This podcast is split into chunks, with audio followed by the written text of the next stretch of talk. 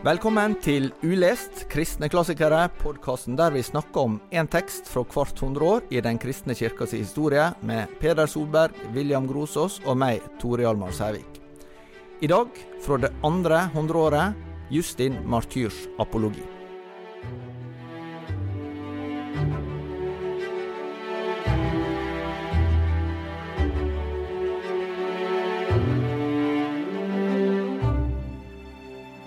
For de som har fulgt denne podkasten en stund, så vil en vite at vi har jo faktisk laga episode om hundretallet. Men eh, vi fikk en idé, William, som gjorde at vi, vi ble nødt til å lage en episode til. Ja, nei, vi, eh, vi fikk lyst til å eh, ha en live-episode, og derfor så er vi så glad for å være her i dag på Lagshuset. Som er jo liksom hotspot for apologetikk på hele Vestlandet, må man si. Lagshuset i Bergen. Her driver de med apologetikk på, på høyt og lavt nivå. så så vi er veldig glad for å være her og, og diskutere eh, For vi tenkte da Hvis vi skal være på Lagshuset, da så må vi selvfølgelig spare den, den, eh, den store apologeten fra det første århundret, som er jo Justin Martyr. Eller filosofen, som han også blir kalt.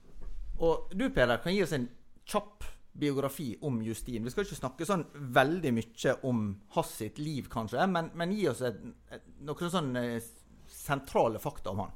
Ja, altså Han ble født omkring år 100, vi vet ikke helt sikkert, men rundt omkring der, i en by som het uh, Neapolis, altså Nybyen, betyr det egentlig, som lå rett ved siden av Sikhem, som noen bibellesere kjenner fra Det gamle testamentet. Uh, I samaritanernes land, så han omtaler seg sjøl som samaritaner, men han ikke, hørte ikke til samaritanernes religiøse gruppe, men han var, kom fra Samaria. Uh, så der vokste han opp. Uh, og han var en søkende sjel. En som søkte kunnskap der den var å finne. Eh, og han kom raskt i kontakt med ulike filosofiskoler. Eh, og slukte alt han kom over, helt til han skjønte at dette var ikke sannheten likevel. Dette var, dette var det noe eh, eh vanskeligheter med, eller, eller, problemer med. Og han fulgte bl.a. en stoisk filosof som han sa var mest ute etter pengene hans. Uh, så han, uh, han, søkte i filosofien i en god del år. Uh, ja. Du må være snillere mot stoikerne. Det var aristotelikeren som ville ha penger. Whatever. Men uh, Stoikeren ville ha De var bare opptatt av etikk? De var opptatt av stemmer det. og aristotelikeren var opptatt av penger. Det var peripatetikeren. ja. Men anyways, så fant han etter hvert det han oppfatta som den beste filosofien i platonismen. Eh, så Platon ble hans store lærer. Eh, og der fant han eh, ikke bare forståelsen av sammenhengen i, i, den menneskelige tilværelsen, men også det som, som man sier er på en måte filosofiens eh, viktigste geskjeft. Det er det menneskelige, og det er det guddommelige. Altså det å vite hvem Gud og hva Gud er. Eh, men så eh, møtte han en dag Han ble utsatt for strandevangelisering, faktisk. av en uh, men, ja, Nei.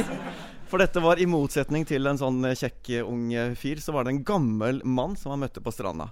Uh, som var litt hemmelighetsfull.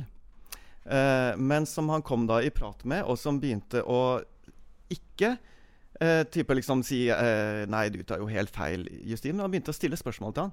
Ja, men hva tenker du egentlig om sjelen og sjelens udødelighet? Og stilte spørsmål til en del sånne grunnleggende platonske eh, problemstillinger, og hvor Justin skjønte at hm, her har jeg ikke tenkt gjennom tingene grundig nok ennå. Så han ble veldig nysgjerrig på denne gamle mannen, eh, som da så vidt bare begynte å snakke litt om disse gamle profetene. Eh, fra Det gamle testamentet, eh, som vi jo skjønner. Eh, det skjønte ikke Justin så veldig mye. Men han, han, visste jo om noen av disse gjennom det at han kjente samaritanerne osv. Og, så videre, og bodde tett på jødiske områder. Eh, I hvert fall det som hadde vært jødiske områder. Men anyways, så forsvant denne gamle mannen før han egentlig kom noe særlig videre. Men så forteller han at jeg kjente at det var en brann inni meg etter å Altså, her er det noe. Han nevnte Jesus også. Han nevnte så vidt Jesus, men det var knapt nok. Så Det var liksom det at han hadde, det var profetene, og så var det de, denne mystiske skikkelsen som, som, uh, som profetene ifølge denne gamle mannen snakka om. Og hva førte det til, William?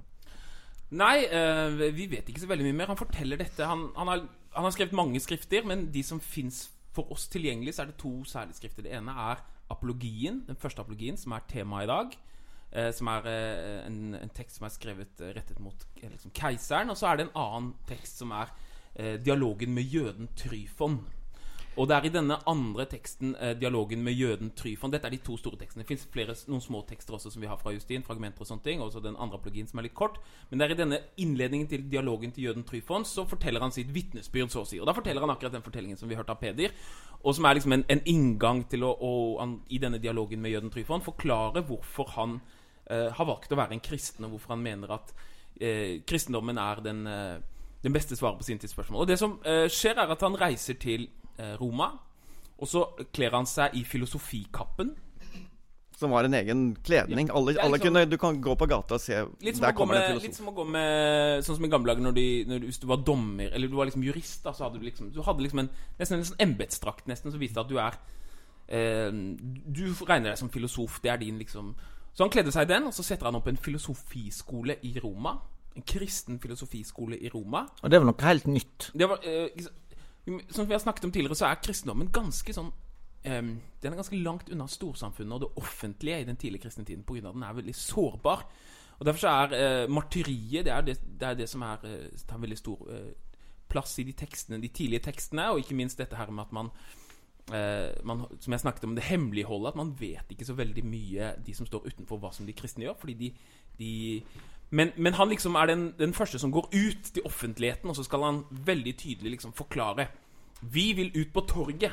Vi vil diskutere med de beste filosofene i Roma. Vi er ikke bare kristne og kirkene som du kan komme til, men vi vil, vil Og det her har vi jo selvfølgelig hos Paulus i Aten, men, men han gjør det til sin, sin livskall for disipler, øh, og, og, øh, og utvikler en, en, filosofiskole der som, som Så han er en, en apologetisk pioner, definitivt. Og så blir han til slutt baktalt av en av uh, kynikerne. Altså det var en uh, De var litt kyniske? De var kyniske. Det betyr hundene. Kynikerne. Det, de ble kalt hundene, for de var på en måte um, nihilister, på en måte. Men der var det en av lederne der som het Kresens, som, uh, som baktalte Justin. Og så blir han, sammen med sine, noen av sine venner, noen av sine disipler, blir han halshugget i Roma. Eh, og, da er det jo under keiser eh, Aurelius eh, Marcus Aurelius. Marcus Aurelius. Ja, han er jo kjent som filosofkeiseren. Yes. Så han var jo stoiker Nettopp. Ja. nettopp han, eh, og han var sønn av Antoninus Pius, som denne boka, altså Justins første apologi, er retta til. For det var ikke bare sånn at han selv ville ut i det offentlige, men det var også et behov de kristne hadde for å gjøre kjent mer av hvem de var og hva de sto for, fordi de var utsatt for sporadiske forfølgelser. Og det, det er jo en indikasjon på de kristnes situasjon, eh, bare den innledningen som Justin har til denne teksten, hvor han henvender seg til Antoninus Pius, altså den fromme, som Pius betyr, sant? Eh, og hans to sønner, Marcus Aurelius eh, og Lucius, som begge to blir keisere senere, men som regner seg som filosofer. Eh, så disse fromme filosofkeiserne som forfølger de kristne. Er det han henvender seg til og sier hva, hva Altså, det er jo fullstendig irrasjonelt å, øh, å forfølge og fengsle og drepe deres beste borgere. Og han er ganske øh, frimodig i, i, i sin beskrivelse av de kristne. Altså, hvem har dere bedre borgere enn oss, som sørger for, for hva skal jeg si, god moral i riket, for rikets velferd og fred? Uh, så det er fullstendig irrasjonelt, sier han da, å, å, å, angripe oss. Er det utgangen av livet til eh, Justin som gjør at han får det til? For martyr har jo den interessante dobbeltbetydninga. Det betyr jo egentlig vitnesbyrd. Ja, det er en tittel som gis, og, ja.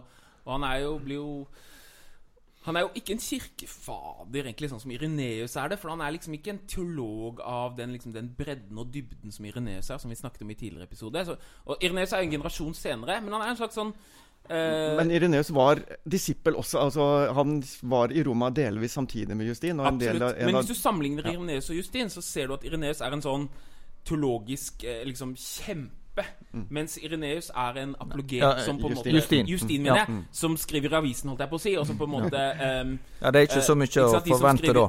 Nei Ja, det, er liksom, det er flott med folk som skriver i Vårt Land og Dagen, ja. men uh, det er liksom ikke teologene for århundrene som uh, Nei, jeg tuller. Hva er det som kjennetegner Justin sin apologetikk, sitt trusforsvar? Altså, han er jo opptatt av å henvende seg til Eh, han bygger opp argum en argumentasjonslinje hvor han viser til eh, de beste verdiene som romerne selv har. Det er et av de viktigste eh, grepene han gjør. Han, han sier altså uh, Han viser på en måte til at dere vil jo være rasjonelle, dere vil jo være filosofer, dere vil jo søke det sannheten og det beste. Isteden så holder dere dere til uh, tomme tradisjoner og irrasjonelle fordommer og oppfatninger. Så han, han er både litt sånn ironisk snert, men han henvender seg til alt det beste som romerne selv holder for godt og sant og, og, og, og skjønt, for å si det sånn. Eh, og forsøker å vise at det beste dere har, det har vi enda bedre. For Litt sånn satt på spissen. sant? Altså, eh, så, eh, så han bygger opp argumentet ut ifra filosofi. Han kjenner jo de filosofiske skolene, og selvfølgelig det er også et veldig viktig poeng her. altså at han, han, eh, han er ikke blank på hva eh, samfunnet ellers er opptatt av han er veldig godt skolert i alle de filosofiske skolene. og Derfor kan han på en måte være trygg i at altså Jeg henvender meg ikke til noe jeg ikke kjenner. Uh, uh, men det er nesten sånn at han prøver å vise disse filosofkeiserne at uh, dere kaller dere filosofer, jeg kan deres filosofi bedre enn dere kan selv. Ikke sant? og også tar han utgangspunkt i mye av det religiøse verdensbildet som romerne har. Både for å si her er det faktisk mye som ligner på det vi har. Og samtidig, her er det noe som er totalt fullstendig irrasjonelt, og uh, uh, det bør dere skjønne sjøl. Ja. Du nevnte Platon, William. Hvordan bruker Justin Platon? Og hvor er han hvor er han på en måte enig med Platon, og hvor tar han ut distanse? Nei, altså Der er jo også Justin en, en veldig viktig skikkelse rent sånn um, idehistorisk i, i, i, kristendommen. Fordi han er den som veldig tydelig omfavner eh, Sokrates, og, og, og, nesten kaller Sokrates en, en kristen før Kristus. Mm. Eh, fordi han eh, gjør det som eh, alle mennesker er kalt til, og det er å avvise avguder. Eh, vi snakket også om det i, i liksom den apofatiske teologien, og vi snakket om den, det med treenighetsteologi. Det er at kristendommen er på en måte ateisme mer enn ateismen er, fordi vi tror ikke engang at Gud er eh, vi tror at Gud er det absolutte andre. Det ja, for, for, som ingenting kan beskrive. Apofatisk, det handler om det som du ikke har språk for. Det, du, du kan ikke uttrykke det. Og, og, så Han sier at dere beskytter oss for å være ateister, men vi gjør egentlig bare det samme som Sokrates. Uh, og det er jo en veldig sånn sterk Når han henvender seg til deres fornuft, så sier han som dere at vi kan ikke holde oss til sedvane og liksom kultur. Vi er nødt til å søke sannhet.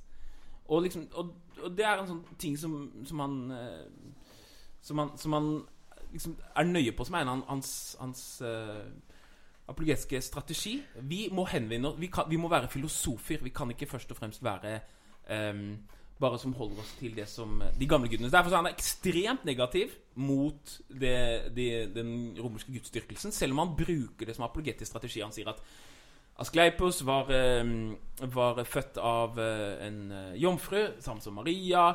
Eh, flere av dikterne deres Menander snakker om en dom. Det eh, gjør også Jesus. Eh, eh Plat, altså Han liksom bruker eh, Han er ikke redd for å bruke de romerske gudene som eksempler på at det vi tror på, er vel ikke så crazy at dere, at dere trenger å drepe oss for det. Eh, samtidig samtidig så, så han, sier han egentlig rett ut Men Sokrates, Sokrates hadde rett. Alt det greiene dere tror på, er bare tull. Men vi er ikke ateister. Vi er um, vi tror på den levende Gud. Ja, for, for Det var jo en beskyldning som de kristne ble utsatt for. Ja, dere er ateister. Det sier han her. Dere ja. kaller oss ateister. Mm, ja. Og så tar han også utgangspunkt i et viktig poeng i romersk lovgivning. rett og slett. Tanken om at det som er gammelt, det er bra. Uh, og det som er nytt, det er per definisjon uh, altså uprøvd og ikke sant, umodent. Uh, jeg syns det er veldig bra. Det er, det er, romerne hadde et poeng der. Så, men, men, så i de, deres religionspolitikk også så var det dette at jødene for eksempel, de hadde tross alt en gammel religion med, med disse gamle tekstene osv. Og, så og, og det var på, altså der var det utvikla en, en, uh, si, en hevd på en rett til å dyrke sin egen religion. Ja, For, for uh, romerne de hadde gitt et slags unntak for, for jødene. Som... Det er det tredje gang vi snakker om det. Ja, ja, ja. ja. Så, så, så, litt på de andre podkastene så får dere med dere mer rundt det. Men, men saken er jo at da også Justin hvordan han griper fatt i det og sier at vi er jo ikke noen ny religion. Altså er, vi, vi, fortsetter det som kommer fra Abraham og Moses og Dette er fortsatt vår religion. Vi tror på Abraham og Isaks og Jakobs gud. Mens eh, jødene, som burde ha trodd på det vi tror på det er litt sånn han, Dette går, går han jo veldig mye dypere inn i den dialogen med jøden Tryfon. Hvem av oss har rett til å for, være fortsettelsen av denne tradisjonen? Men, men, han sier også at de burde ha trodd på det. Vi gjør det, og vi er sånn sett en gammel religion. Eh, hvor han også da griper fatt i, som William var inne på, altså Sokrates og hele den filosofiske tradisjonen er også en, en tradisjonsstrøm som han identifiserer seg med.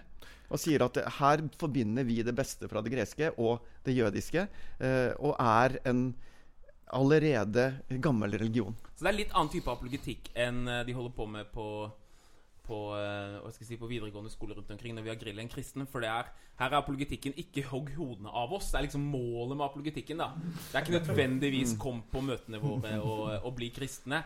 Det er bare Hør nå her, hvorfor driver dere med dette? Vi, vi, hva er det vi har gjort galt, egentlig? Og, ja. Men et interessant spørsmål er jo også hvordan han bruker Det gamle testamentet, og hvordan han mener jødene tar feil. For det er jo noe av det som da blir strategien. Altså det som kanskje er mest overraskende, hvis man altså Han skriver eh, et langt brev til keiseren, som dette jo egentlig er, sant? hvor han legger ut fra Det gamle testamentet hvordan Jesus er en oppfyllelse av alt dette.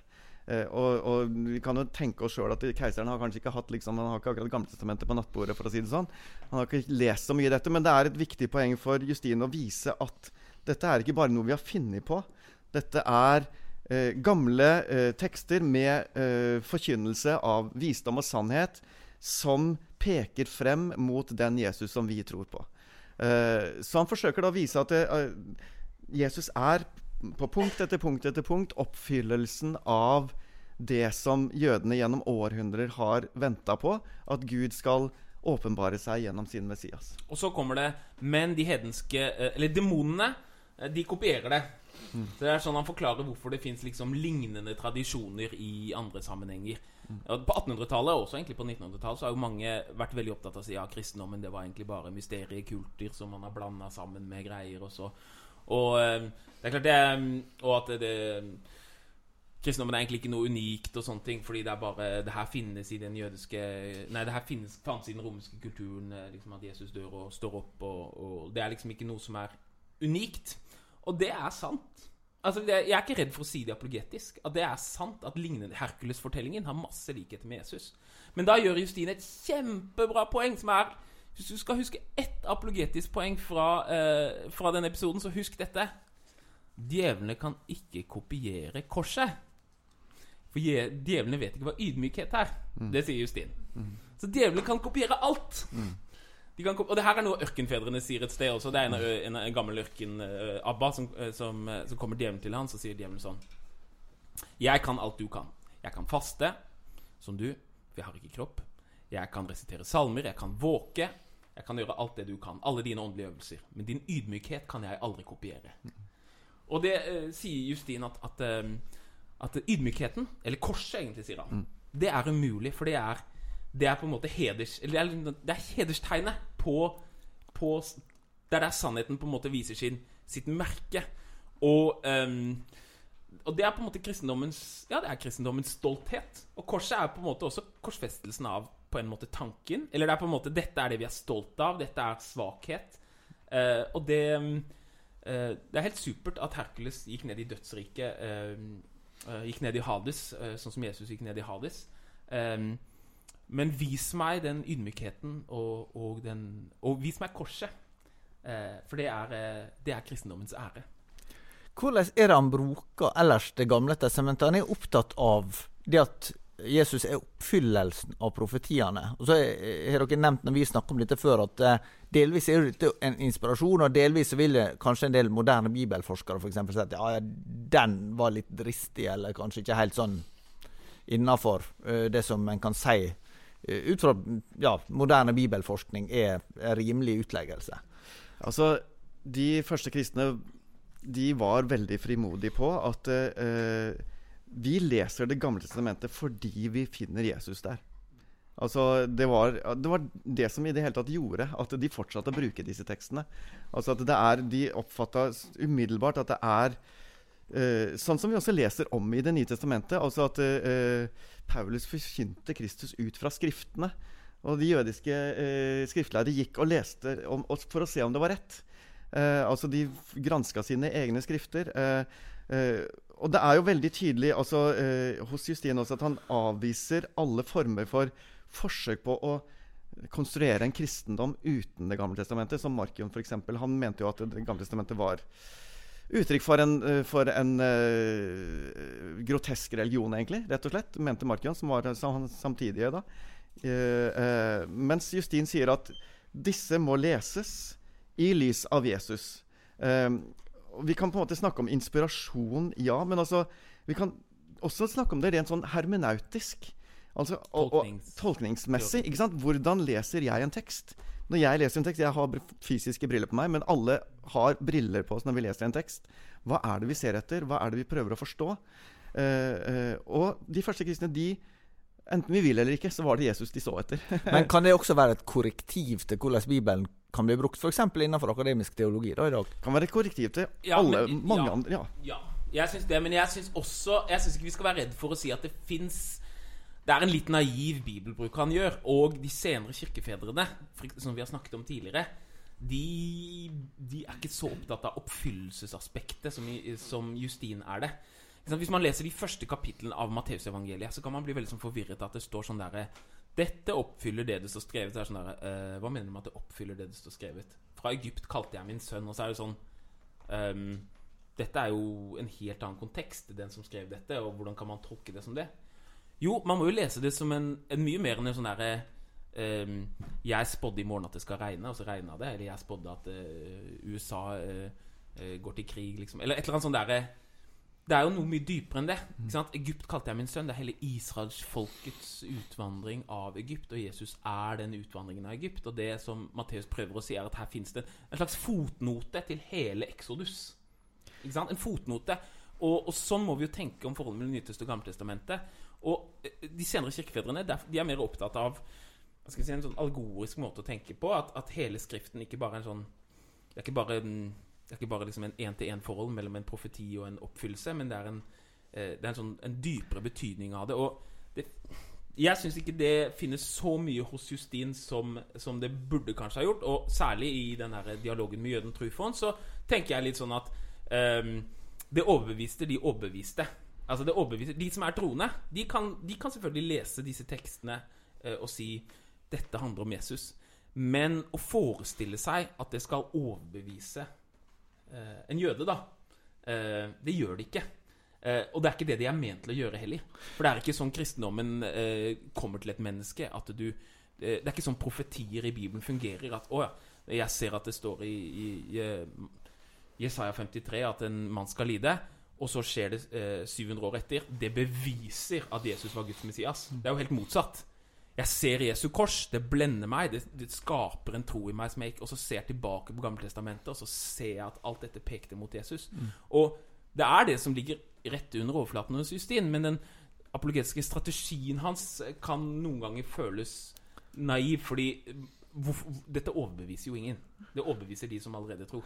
I laget da, så, så, så, vil en jo stå i en tradisjon som her vi er nå, og mange som hører dette, vil antagelig stå i en tradisjon der en vil være veldig opptatt av at eh, evangeliet må komme tydelig fram, at det, det er gave fra Gud, noe uforskyldt og sånn. Og så vil, vil har vi jo snakka litt om det i forkant, at, at det, det, er ikke veldig tydelig hos Justine, kanskje litt sånn paulinske perspektivet med evangeliet som Guds kraft til frelse. Så det, det her er mer sånn en litt annen tilnærming, da. Ja, og samtidig jeg hadde en liten diskusjon med William på forhånd. fordi vi, vi gjør kanskje Justin litt urett i forhold til å tenke at liksom dette er det Justin ville ha uh, på en måte skrevet til ettertiden. Eller uh, hele hans teologi. Fordi de to hovedskriftene som vi har bevart, det er forsvarsskrift til keiseren. Uh, det er et langt avisinnlegg på en måte, eller hva skal jeg si. Det det og, og, og, og, så er det denne dialogen med jøden Tryfon. Altså er, vi har ikke noe av Justin forkynner til menigheten. Det har vi jo lite av. Uh, han skrev jo flere tekster som ikke vi kjenner til, som er mer sånn utlegging av, uh, av teologien, som kunne vært veldig spennende å hatt. Og jeg tror, jeg tror at, at, en del av det vi finner hos Ireneus, har mer spor hos Justin enn det vi ser, fordi vi har bare disse tekstene vi har. Uh, men du har rett i at det er ikke sånn, dette er ikke et paulinsk brev til romerne. eller til korinterne. Altså, det, er ikke, det, er ikke, den type forkynnelse av evangeliet til menigheten. Men det er en, en, en, en beskrivelse av hva er kristendommen til de som overhodet ikke fatter noe eh, om hva dette er. Eh, så forsøker han da å bruke fornuftsargumenter til å forklare eh, hvordan kristendommen henger sammen som et system. Så er Det som William sier, det, det overbeviser ikke nødvendigvis, men det viser i hvert fall at han har en Altså, dette er ikke noe som vi fant opp i går. Dette er en, en, en sammenhengende måte å tenke om virkeligheten på. Det er denne og Han erkjenner det jo altså, jeg, jeg skjønner jo at det virker absurd at vi tror på en korsfesta mann som Gud. Altså, og i det romerske imperiet er det klart at det er absurd. Altså, det, Måten de dyrker, uh, dyrket makt på, uh, og det å tilbe en sånn svak gud, kan man si, da, det var jo absurd. Uh, men du kan si det er jo noe av det som også er noe av det apologetiske fra, fra Justin. Altså at det påvirker hvordan vi Eh, oppfører oss mot hverandre, hvordan vi tar vare på eh, hverandre, hvordan vi tar vare på de svake osv. Altså, det er jo en, eh, det er en kritikk av romersk kultur knytta til deres umoralske guder og deres makt og æreorienterte guder og kultur. Da. Dette er jo svar, Nei, jeg svarer. Det er ikke nada. Og, og evangeliet forkynnes ikke, og det er ikke meningen heller. Nei. Det er en det er det som, Apologetikk og forkynnelse er ikke helt det samme, er det det? Uh, apologetikkens mål er jo å legge til rette for at forkynnelsen kan finne sted. En henvendelse eh, til, til viljens, men apologetikkens første liksom, mål er jo ja, å, å, rydde vekk, eh, motforestillinger. Ja. Uh, si uh, dere kan forholde oss til oss, uh, og vi vil gjerne være en del av samtalen her, og dette er våre våre perspektiver. Og, og Han sier jo egentlig at det, altså, vi, til keiseren altså, Undersøk gjerne nærmere. Kom og spør oss. Men altså, dette er i hvert fall det første vi vil si. Altså, og, og, han er jo, Selv om han forsvarer og sier at ikke sant, eh, helst ikke drep oss, så sier han på den annen side altså, Dere gjør hva dere vil, og dere kan drepe oss, men ikke skade oss, sier han. Litt sånn altså. Dette er jo en tidlig fase i, uh, i kirkas historie der det ikke er noen etablert kirkeorganisasjon, sånn som vi kjenner det senere. Og det er jo heller ikke egne kirkebygninger.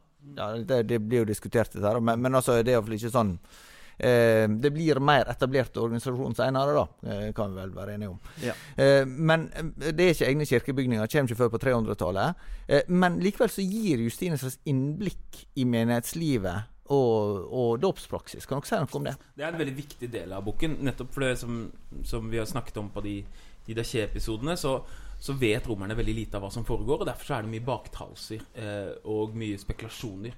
Og eh, han bestemmer seg for å si litt om dåpspraksisen deres, si litt om gudstjenestene deres, hvordan de gjør, hva de er. Og da beskriver han veldig enkelt, som er jo den, den, eh, den første liksom, beskrivelsen av den kristne gudstjenesten rettet for noen utenfra, som vi har. Eh, og da skriver han at vi samles søndag morgen. Eh, på den dagen som kalles solens dag. Uh, og vi uh, samles og vi, og vi, ber sammen, og vi leser fra apostlenes vitnesbyrd, og, og vår forstander ber oss tale lenge og ber oss følge disse ord. og så bæres brød og vin frem, og det leses en takksigelse, en eukaristi, over det. brødet brytes, en lang takksigelse, står det. og så gis det til de som er nærværende, og så gir vi hverandre fredskysset, nevner han. Og så blir gavene båret ut av diakonene til de som ikke kan være til stede fordi de har slavetjeneste eller fordi de er syke.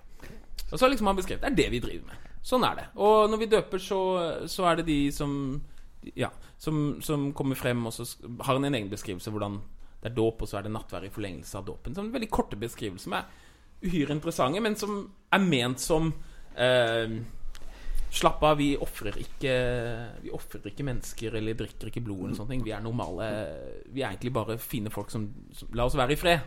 For det er jo ja.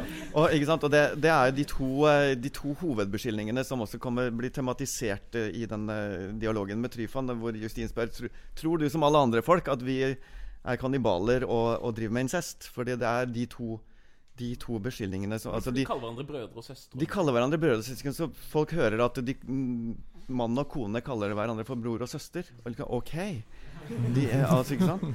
Så, så, de to er eh, de hovedbeskyldningene. Så han beskriver rett og slett veldig kort hvor, hva, Altså, vi spiser ikke menneskekjøtt og mennesker. Altså, vi, uh, men han sier jo også at dette er for oss Jesu legeme og blod. Eh, brød og vin, sant, som vi har båret fram. Så, så, det er en av de eldste beskrivelsene vi har av strukturen i det som vi kan kalle den klassiske gudstjenesten, da, som William nettopp beskrev. Og Det er vanskelig å vite for eksempel, om man hadde tilgang til Johans evangeliet. Det er forskerne uenige om. Ja, for, for, her, på, på, denne tida, så er fortsatt ikke helt klarlagt hva som blir Det nye testamentet.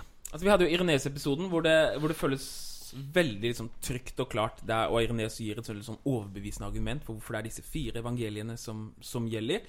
Um, men for Justin så så det er noen bibelforskere som vil si at han, han bruker logos-begrepet, og det er egentlig noe han bruker veldig kreativt. Han, han bruker et uttrykk som også finnes hos stoikerne, dette med logos spermatikos, at det finnes et sånt såkorn av eh, liksom Guds fornuft i alle ting, og at Kristus og at alle gode ting, all fornuft, liksom leder mot Kristus, og at mm. Kristus åpenbarer den fornuften. Mm.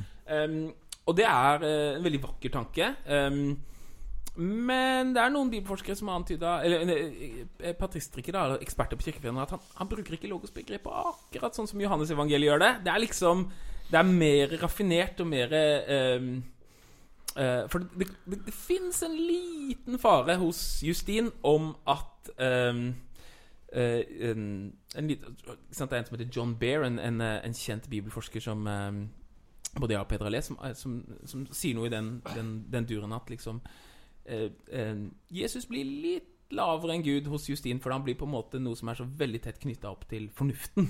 Mm. Som er noe skapt. Men ikke sant? det er som Peder sier. Hvis, eh, hvis, vi bare hadde hatt Timeus av, av, Platon, så kunne man sikkert ha sagt ja, men han var litt sånn ustabil eh, Platon var en litt sånn ustabil forfatter. Ikke sant? Vi vet ikke hva som var resten av Justins Og dette er bare noe som er prøvd og fortalt men i en apologetisk situasjon Han bruker sånne begrep som logos pragmaticos, fordi han ønsker å vise Vi er, vi er eh, på deres banehalvdel at vi ønsker å søke sannheten sammen med dere. Men hvis man liksom prøver å presse det og liksom si hva blir den ytterste konsekvensen av å bruke logosbegrepet på akkurat denne måten, så kan man kanskje si at ja, eh, Ireneus og Johans evangeliet har en, en bedre og mer raffinert måte å bruke det på. Og eh, fra det så kan man jo hente en et resonnement som kan være at ja Og det viser også litt av faren som ligger i apologetikken. At man blir formet av de um, man vil snakke til. Men man må jo hele tiden prøve å snakke ja, til nye, nye, kulturer, nye mm. tradisjoner. Hvordan kan vi på bakgrunn, Nå nærmer vi oss slutten, her, men, men uh, på bakgrunn av det vi har lest av og snakka om hos uh, Justin, uh, hva kan vi si er god apologetikk? Ja, det er mye å si om det. Ja, det så hvis vi skal si veldig sånn oppsummerende. Ja. Men, men i, i, hvert fall så, så, er det noe altså Det som er veldig tydelig hos, hos Yusin, det er at han har en veldig tiltro til sannheten. Altså sannheten er der, enten dere tror på den eller ikke. Enten jeg klarer å forklare den godt nok eller ikke. Altså Det er ikke sånn at det, han må forsvare sitt verdensbilde, hvis ikke så ramler alt sammen. For, for, fornuften er det, altså det, er det, veldig, det er det gode med denne logos spermatikos. Altså, sannheten og fornuften er der ute. Jeg prøver bare å være et vitne som peker på det. Uh, og han, han henviser bl.a. til profetene som, som, han sier de, altså de er over argumentenes nivå, for de bare vitner om sannheten. Uh, de har ikke på en måte noe å tape. Eller de har på en måte altså, Mange av disse profetene blir også forfulgt av Men altså, det er nettopp dette at de, de uh, Det er ikke sånn at deres verdensbilde må forsvares for enhver pris. De er bare vitner om det som er sant. Eh, og det tenker jeg er en sånn, en grunn, et grunnleggende perspektiv å, å lære fra, fra um, Justin. Uh, også dette at han appellerer til, til eh, andre menneskers lengsler og lengsel etter å forstå ting, lengsel etter fornuft. Altså, at det er ikke sånn at det, han, selv med keiseren som truer med å drepe han, så snakker han litt sånn vennskapelig og litt sånn ironisk. og litt, altså du, du, vil jo være på lag med det gode, du òg, vil du ikke det? Altså, er vi, er vi ikke på lag her? altså, At han prøver å, å, å, appellere til en sånn uh, Jeg er ikke her for å uh, være din fiende. Altså, Vi vil være venner med dere. Jeg kjenner meg veldig igjen i det du, første du sier. Eller det appellerer til meg, det første du sier, Peder, må liksom ikke være redd. Mm. Og Det er noe med det der Det er en, det er en sånn liten følelse man kan få, som gjør at man mister tiltro til noen. Det er den der at de liksom Det er noe sånn derre dette skal jeg forsvare. Liksom, du debatterer med noen på, på, Facebook eller på nettet eller på en eller annen tråd, og så er det sånn der Du kan merke på det at de er så aggressive på å forsvare seg. Sånn der, er det noe i der som er litt redd for at dette kanskje ikke er sant likevel? Eller hvorfor er du så aggressiv her? Hva mm. er det som, Hvorfor er du så Hvis det er sant, så relax. Mm. det, ja. Ja, Det er sånn eh, et, et, et falskt Augustin-sitat at uh, troen Sannheten er som en løve. Den kan forsvare seg selv. Bare slipp den løs. Falske sitat er ofte veldig gode. Ja, de er det. De er det. Eh, jeg tror vi nærmer oss eh, slutten på denne episoden. Vi kommer med en del to her, der det er mulighet til spørsmål fra salen. Og det tror jeg kan bli veldig interessant. Du har altså lytta til en episode av Ulest kristne klassikere. Det er en teologipodkast fra Dagen og NLA Høgskolen. Og um, vi eh, er åpne for spørsmål også fra lytterne. Så har du tilbakemeldinger eller spørsmål til oss, så ta kontakt på torekrøllalfadagen.no. Takk for i dag.